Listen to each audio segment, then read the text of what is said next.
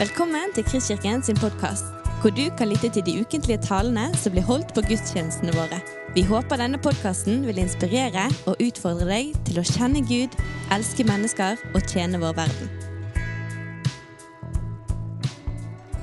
Ja, kjære alle sammen. Vel overstått eh, nasjonaldag. 17. mai pleier jo å være en eh, fin dag for alle, nesten alltid og eh, uansett. Jeg eh, våknet opp eh, til årets 17. mai med en eh, svært fornøyd datter. Fordi at hun ble tre og et halvt år på 17. mai. Så når hun våknet, så gjorde hun store øyne og smilte sitt aller største smil. Og så sa hun Jeg er tre og et halvt år, sa hun. Og det var jo en nydelig måte å våkne på for meg. Men uh, uansett, 17. mai er en dag de fleste i Norge liker og har et godt forhold til. Enten man har en 3,5 år gammel datter eller ikke. Det er pølse, det er is, det er fest og flagg. Det er familie og venner. Det er et godt forhold i kroppene til 17. mai. Men så eh, kommer det en eh, ny helligdag i år, ganske tett opp til 17. mai. Og den tror jeg at eh, mange har et ulikt forhold til i Norge. For noen så er dette Kristi himmelfartsfridag. Det er langhelg. Det betyr gjerne muligheter for slektstreff og hytter, så ja takk kom med Kristi himmelfartsfridag til eh, meg. Eh, for andre, f.eks. For, for politiet i eh, storbyene, for utrykningspolitiet, så er det gjerne mer fokus på utfart enn på himmelfart denne dagen i året. For noen så er dette dagen for himling med øynene. Dette er gjerne definisjonen på religiøst sprøyt en eh, mann som løftes opp i luften til himmel. Ja da. På den helt andre siden så finner man oppriktige troende som har et kjært og nært forhold til denne dagen. De setter den skyhøyt, hvis vi skal få leke litt med ordene her. Denne dagen er så viktig, så sentral, så innholdsrik mettet at uh, disse gjerne tenker at det er trist at Kirken ikke markerer dagen mer enn man gjør.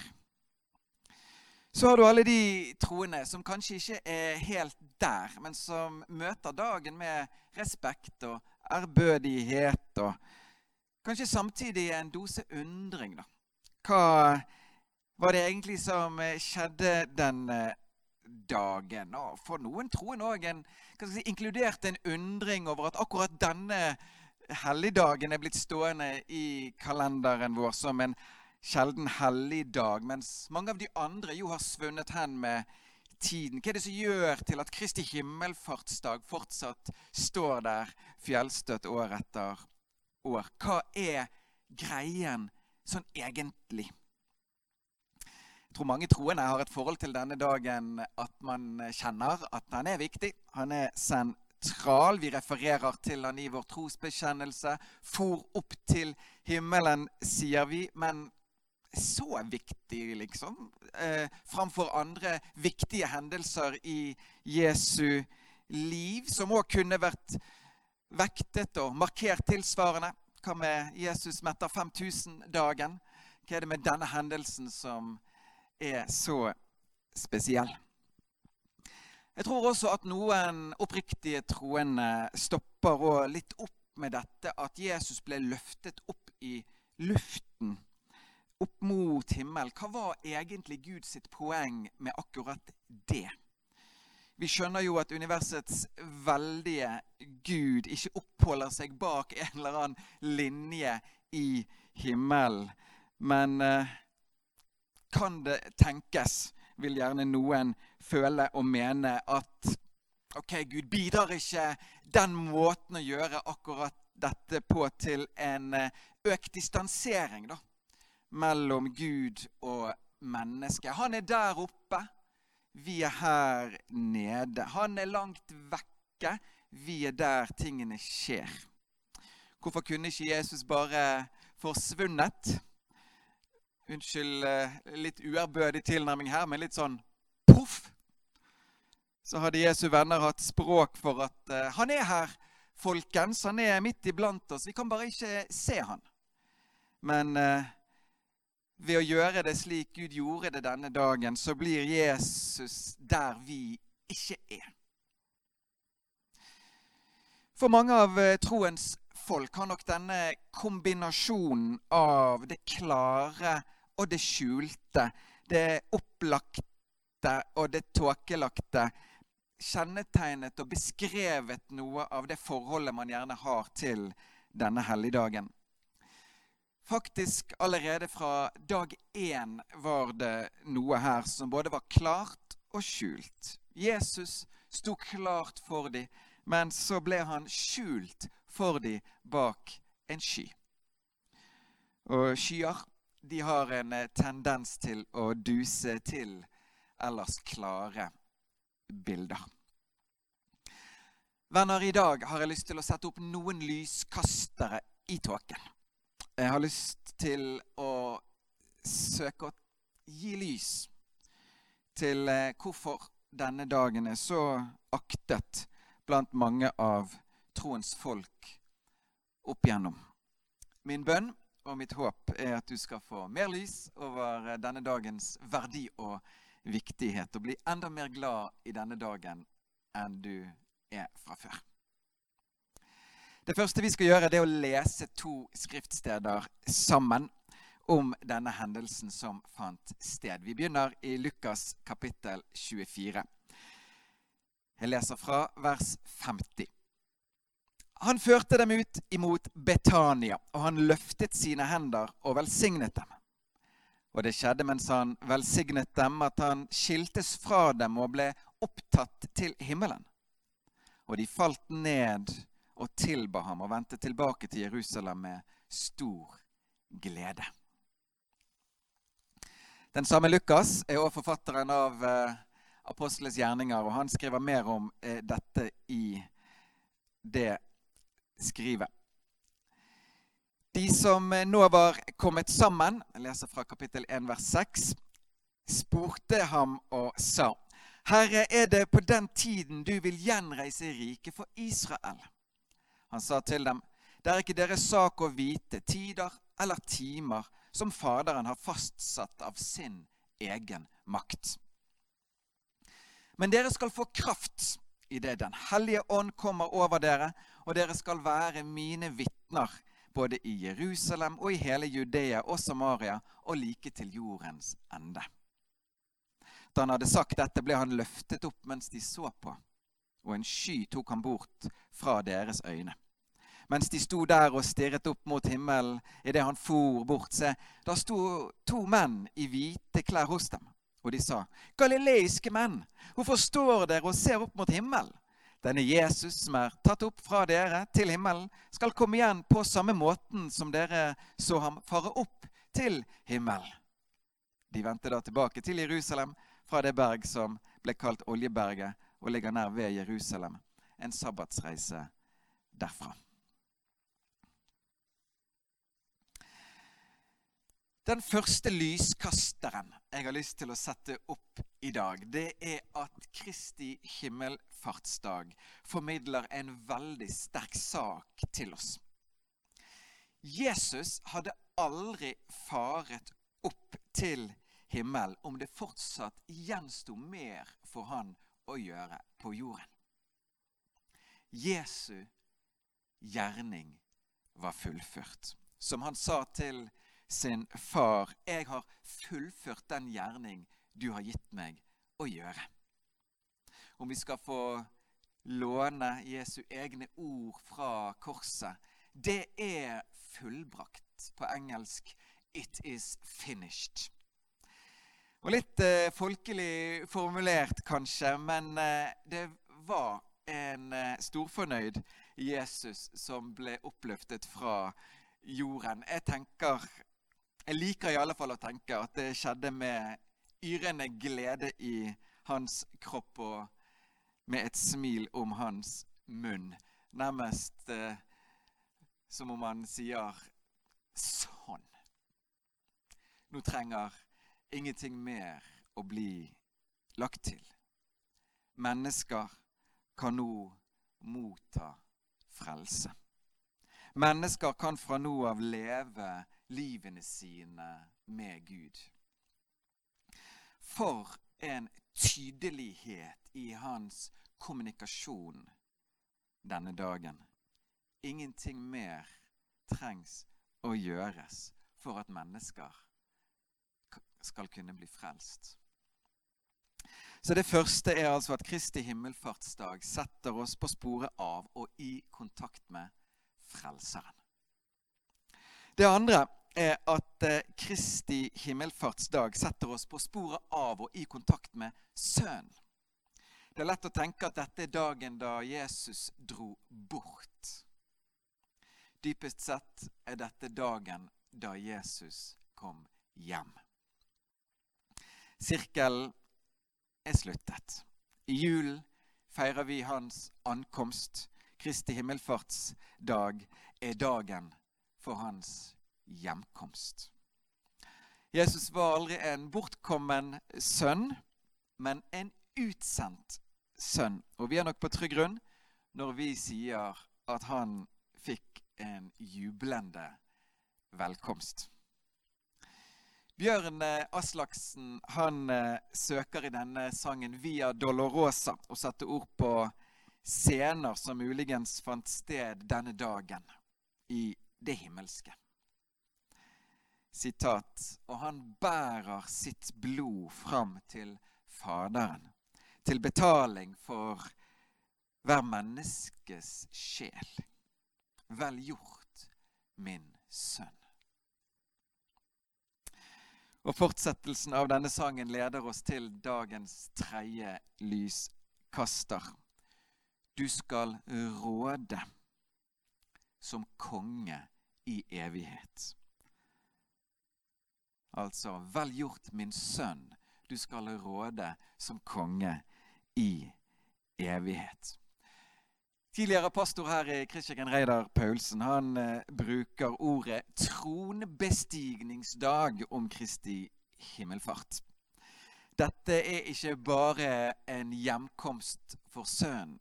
Dette er òg en kroningsdag for kongen. Og for å fortsette sangen til Aslaksen Verdig er Guds lam til å motta lov og pris. Vi vil løfte opp ditt navn, vi vil gi deg våre liv.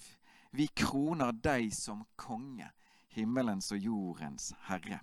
Din trone står til evig tid, og du skal for alltid regjere. Det tredje er derfor at Kristi himmelfart setter oss på sporet av og i kontakt med kongen. Og Jesus er ikke bare en kongelig figur uten utøvende makt. Flere steder i Bibelen får vi dette uttrykket at han sitter ved Faderens høyre hånd. Peter sier det sånn i sitt første brev, kapittel 3, vers 22. Han taler om han som er faret opp til himmelen og sitter ved Guds høyre hånd, hvor engler og myndigheter og makter er ham underlagt. Paulus er inne på det samme i sitt brev til de troende i Efesus. Alt la han under hans føtter. Noe som i neste rekke er dypt sentralt for hele poenget med Jesu komme og verk. De som tar imot ham, jf. Efeserne 2, settes med han i det himmelske. Og her ligger massive saker knyttet til den troendes autoritet i Kristus. I bønnens verden. I det å be i Jesu navn. I det å forbinde og løse. Handle i kongens navn. Handle i kongens sted. Handle på kongens vegne.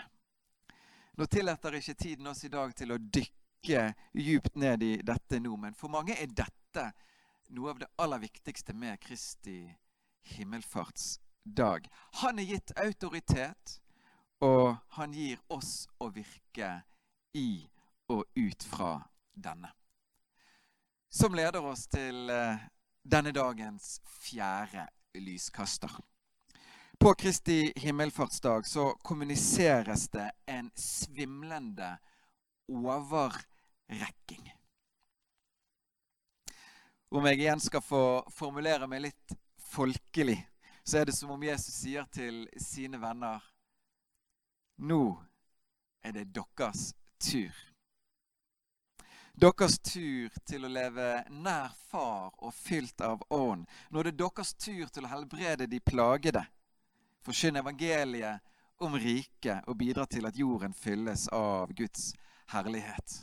Johannes 20 sier Jesus dette. Like som Faderen har sendt meg, sender jeg dere. Lukas 22. Jeg overgir riket til dere, slik som min far overga det til meg. Og her er vi i kontakt med Guds store gjenopprettelsesplan. Om du ser for deg en mørklagt jordklode i fugleperspektiv, så var Jesus en gang det eneste lyspunktet det eneste mennesket fylt av Guds ånd. Der han gikk omkring og gjorde vel i Israel. Guds plan er at hans ånd, dette Guds lys, skal ta bolig i milliarder av menneskekropper, sånn at lyset florerer og fyller jorden. Og slik utbres Guds rike. Den fjerde lyskasteren er derfor at Kristi himmelfartsdag setter oss på sporet av og i kontakt med den store overrekkingen. Den store frelsesplan, der vi får spille en viktig rolle. Den femte og nest siste lyskasteren Unnskyld, den femte og siste lyskasteren jeg i dag vil sette opp, er at Kristi himmelfartsdag vitner om at den kommende tidsalder ikke er en abstrakt tilværelse der vi er svevende, uhåndgripelige åndsvesener, men det er en høyst konkret tilværelse som venter. Det er fysisk, legemlig. Vi går i møte en fysisk fremtid. Som jeg innledet med, dette kunne vært Jesu store forsvinningsdag borte vekk var han. Men nei, Gud vil i sin visdom vise at det som kommer, er en fysisk tilværelse. Slik han dro hjem, vil han komme tilbake. Da var det den nest siste jeg sa akkurat nå. For den aller siste, den sjette og siste lyskasteren jeg i dag vil sette opp, det er at Kristi himmelfartsdag ender med en sendelse til bønnerommet. Det er en dag for fest. Det er hjemkomst og kroningsdag. Men det er òg en dag for faste, for den ventende, utholdende bønn.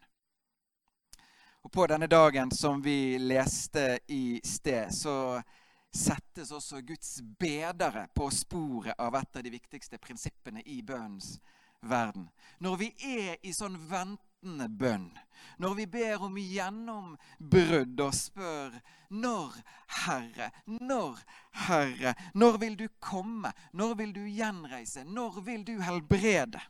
Så er Hans ord til oss som spør dette. Det er ikke deres sak å vite tider og timer. Jeg kan ikke love noe her. Men dette lover jeg dere. Dere skal få kraft. Og kraft fikk de, og kraft får vi. Det sjette i dag er derfor at Kristi himmelfartsdag setter oss på sporet av viktigheten av bønnerommet. Noen sier vi kan ikke bare be. Vi må gjøre mer enn å bare be. Til det vil jeg svare at den grøften finnes nok, men det er lite sannsynlig at uh, du og jeg befinner oss i den. den er som regel rimelig folketom. Det vi må gjøre mer av, er å be. Ut fra den posisjon og autoritet vi er gitt ved å være i Han som er i det himmelske. Så venner, Kristi himmelfartsdag er noe mer enn en himmelsprett, som noen kalte denne dagen. Kristi himmelfartsdag er en skjær, sentral og innholdsmettet dag som er ment å gi livene våre mye større saker enn en fridag. Dette er dagen der vi kommer i kontakt med den tilfredse frelseren som sier 'Min gjerning på jorden er fullført'. Dette er dagen for sønnens hjemkomst. Dette er dagen for kongens kroning. Dette er dagen for overrekkelsen av riket. Dette er dagen for vitnesbyrdet om det som venter oss. Dette er dagen som sender oss til bønnerommet. Så kjære venner, dette er mer enn en fridag. Dette er en frihetens dag. God Kristi himmelfartsdag. Du har lyttet til en podkast fra Kristkirken i Bergen. Vi håper du har blitt inspirert og utfordret i din vandring med Gud. Vil du vite mer om oss, så klikk deg inn på kristkirken.no.